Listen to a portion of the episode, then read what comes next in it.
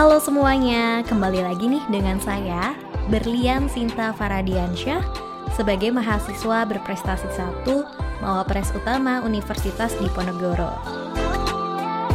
Sebelumnya terima kasih untuk BEM Undip yang telah kedua kalinya memberikan kesempatan pada saya untuk menjawab Q&A seputar Mawapres kali ini.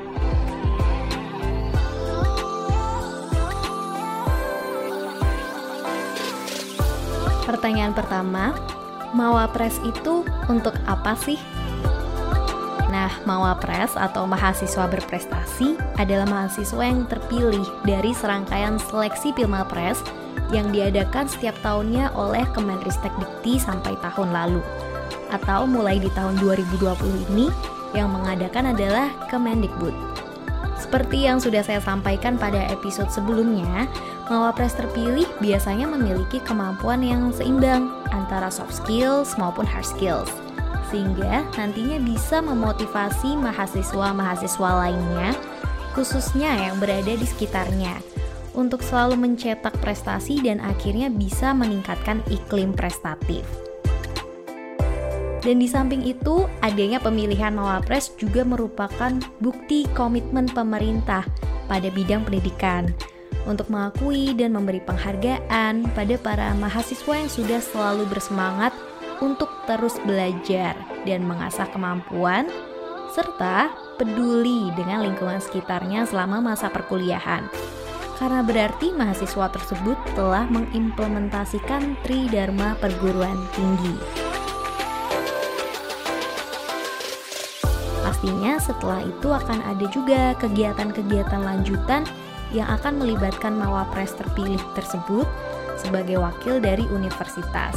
Dan selanjutnya akan tercipta koneksi yang lebih kuat lagi nih untuk membangun kualitas pendidikan di Indonesia yang lebih baik.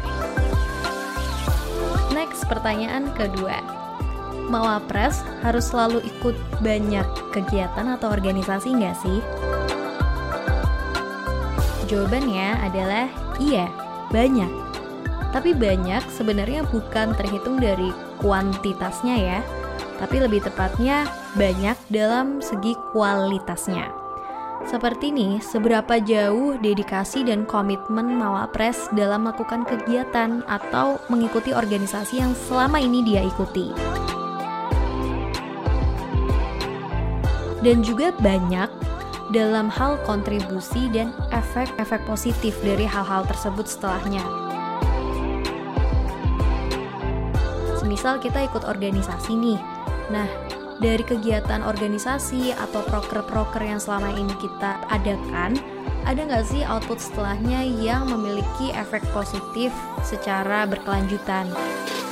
Atau semisal kita memiliki kegiatan pertukaran pelajar atau pengabdian masyarakat atau bahkan lomba, nah manfaatnya ada nggak sih untuk lingkungan sekitar? Oke, jadi penilaiannya adalah dari segi kualitasnya ya.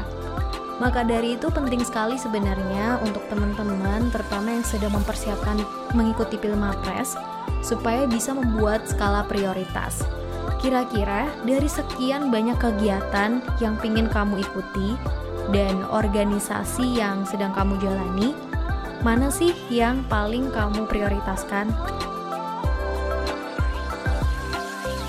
Setelah itu, pelajarilah dan terapkan esensi dari kegiatan atau organisasi pilihanmu itu, supaya bisa menunjang juga diri sendiri dan menghadapi tantangan-tantangan lainnya setelah kamu mengikuti organisasi tersebut.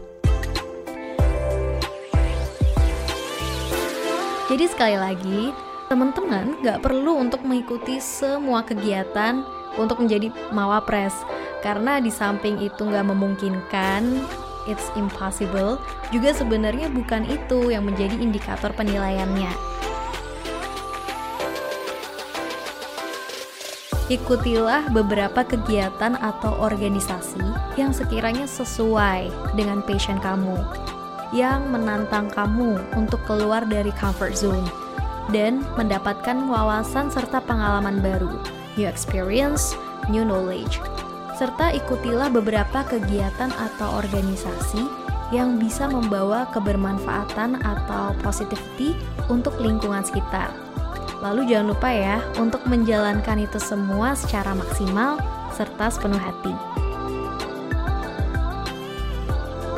Oke, kita lanjut ke pertanyaan yang ketiga. Apakah kita harus pernah memenangkan suatu lomba KTI atau sejenisnya?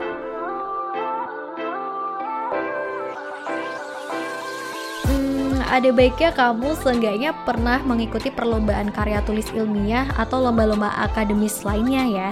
Meskipun sebenarnya kalau teman-teman baca di dalam pedoman Pilmapres, sama sekali nggak ada pernyataan atau ketentuan yang bilang kalau kamu harus pernah memenangkan lomba KTI. Itu nggak ada. But if you ask me, I would highly suggest you untuk seenggaknya kamu pernah ikutan lomba karya tulis ilmiah atau lomba-lomba akademik lainnya. Kenapa?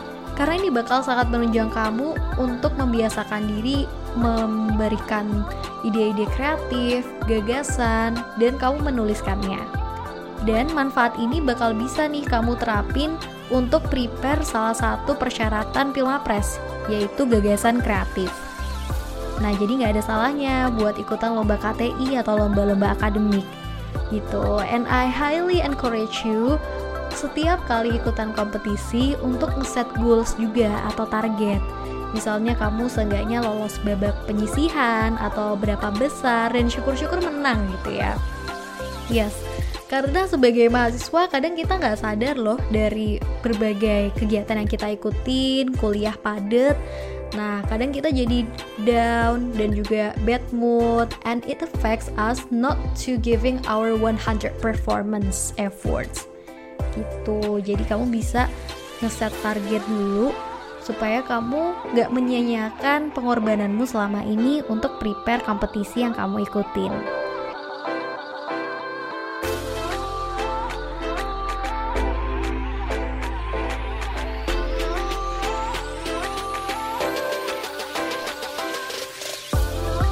Now the first question. Mawapres wajib nggak sih bisa bahasa Inggris? Kalau misalnya kita nggak punya skill bahasa Inggris, tapi kita masih pengen banget buat ikutan Pilmapres karena punya kelebihan yang lainnya, terus gimana? Well, yeah, definitely. Bahasa Inggris tuh juga salah satu indikator penilaian Pilmapres. Tapi teman-teman gak usah khawatir karena your English skill level bukan jadi penentu segalanya. Karena kan skill ini pun juga bisa buat dilatih.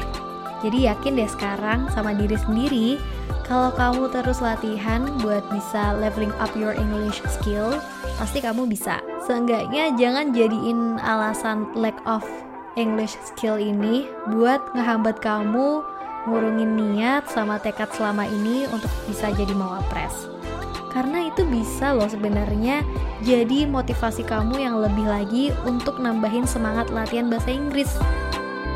Coba sekarang ubah mindsetnya. Kalau kamu belajar bahasa Inggris dan kamu punya skill itu, kamu bisa lebih dapat manfaat, lebih bisa dapat ilmu, references, sources yang mungkin cuman available dalam bahasa Inggris. kamu juga bisa lebih banyak dapat temen lagi, enlarging your networking, dan dapetin kesempatan-kesempatan baru. Atau bahkan kamu juga bisa ngebantu orang lain untuk jadi their communicator, misalnya butuh translator atau interpreter. Nah, kamu bisa membantu mereka. Salah satu tips dari aku pribadi juga kamu ikutin deh kegiatan atau organisasi yang bisa sekaligus mengasah atau leveling up your English skill level.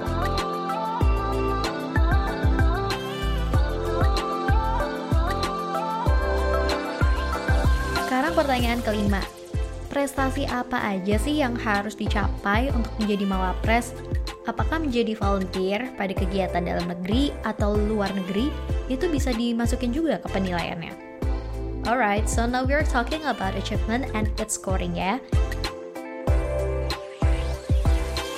Nah, prestasi yang dicapai itu bisa disesuaikan sama kegiatan kemahasiswaan yang selama ini kamu ikutin dan pingin kamu cantumin. Itu semua jadi ada di pilihan kamu.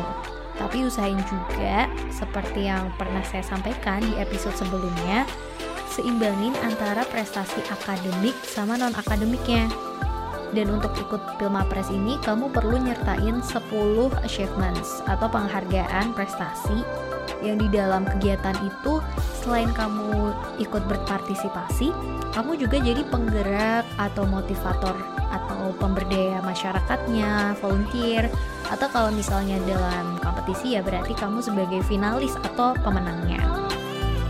Nah, berdasarkan pedoman Pilmapres 2020 nih yang terbaru, kegiatan kemahasiswaan yang bisa kamu unggulin dan kamu lampirin di sini bisa berupa kompetisi atau bukan melalui kompetisi. Nah, itu maksudnya gimana? Jadi gini, misalnya dalam bidang kompetisi, kamu boleh masukin achievements di bidang ilmiah, penalaran, akademik, kayak misal lomba KTI dan sebagainya, debat mungkin. Nah, itu masuknya di sini. Atau dalam bidang kompetisi seni budaya, olahraga, teknologi, sains serta inovasi, terus lomba-lomba keagamaan atau lomba kewirausahaan nih yang suka ikut business case competition, nah itu bisa dimasukin ke sini.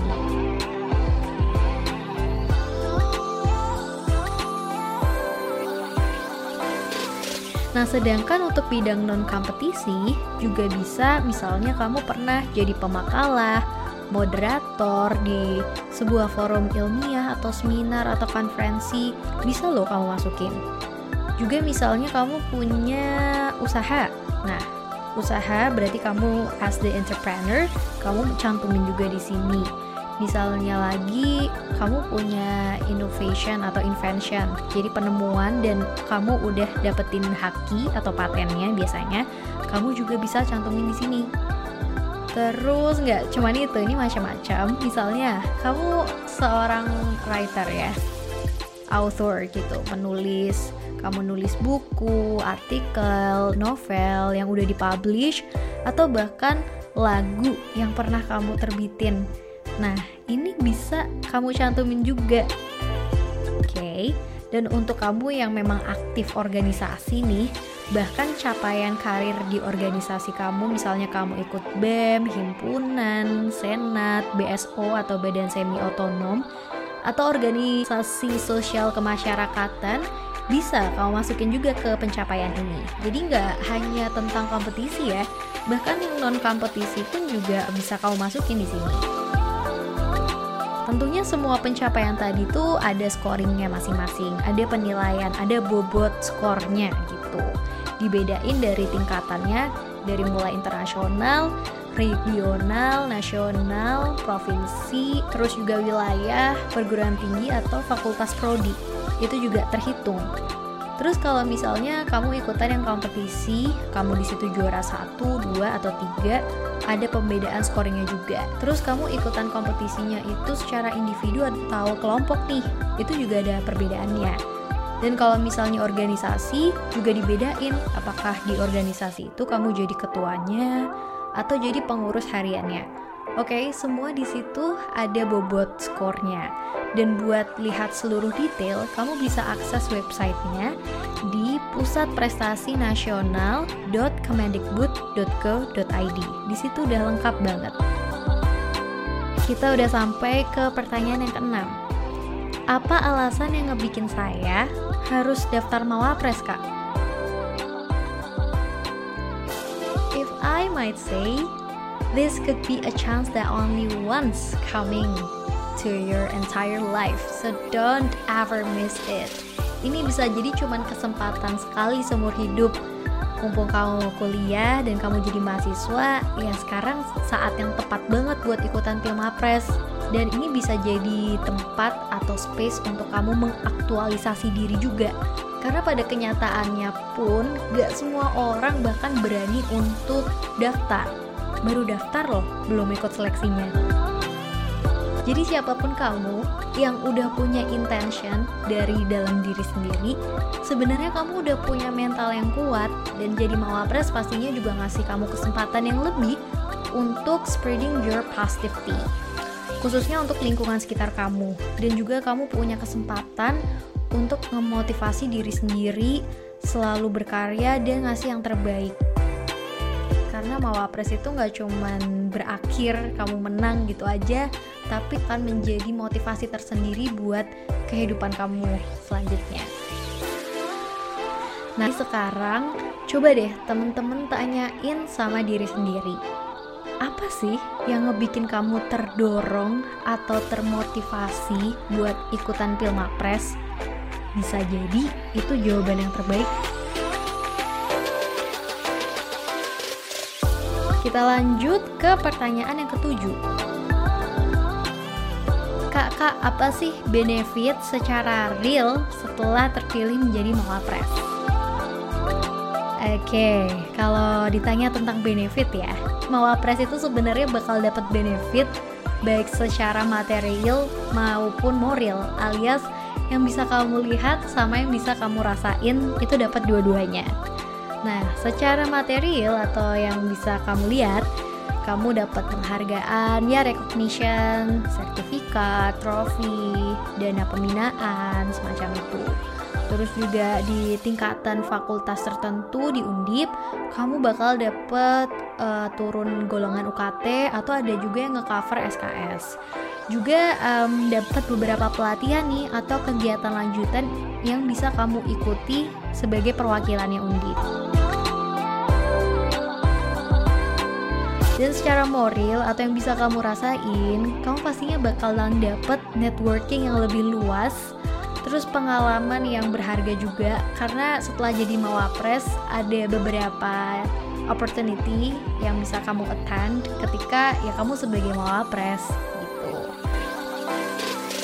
Plus kamu juga dilibatin di berbagai kesempatan dan kegiatan untuk bisa berbagi ataupun memotivasi.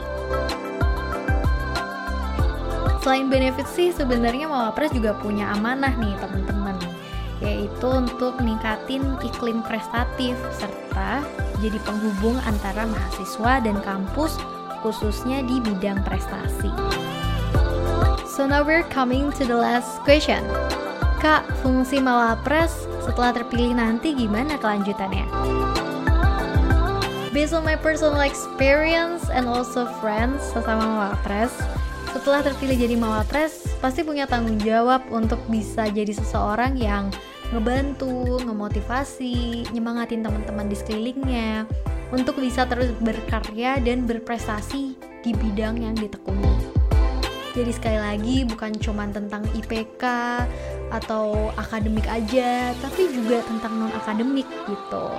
Selain itu Mawapres juga punya peran untuk ngebantu teman-temannya yang mungkin ngerasa kesulitan di bidang atau di hal-hal yang kaitannya sama hard skills maupun juga soft skills. Dan seorang wapres bukan berarti harus bisa nguasain semua bidang sekaligus ya. Tapi seenggaknya mawapres itu selalu berorientasi sama solusi atau solution oriented. Dan gak hanya fokus sama kompetisi, mawapres selalu nomor satuin kolaborasi. So that's all. Semoga Q&A ini bisa ngebantu teman-teman untuk lebih yakin dan mersiapin diri buat ikutan pemilihan mahasiswa berprestasi. Semisal kamu masih punya pertanyaan lagi, boleh langsung teman-teman tanyain ke Instagram Forum Mawapres Undip at Formapres. Semangat ya! Undip Goes to Champion, salam prestatif!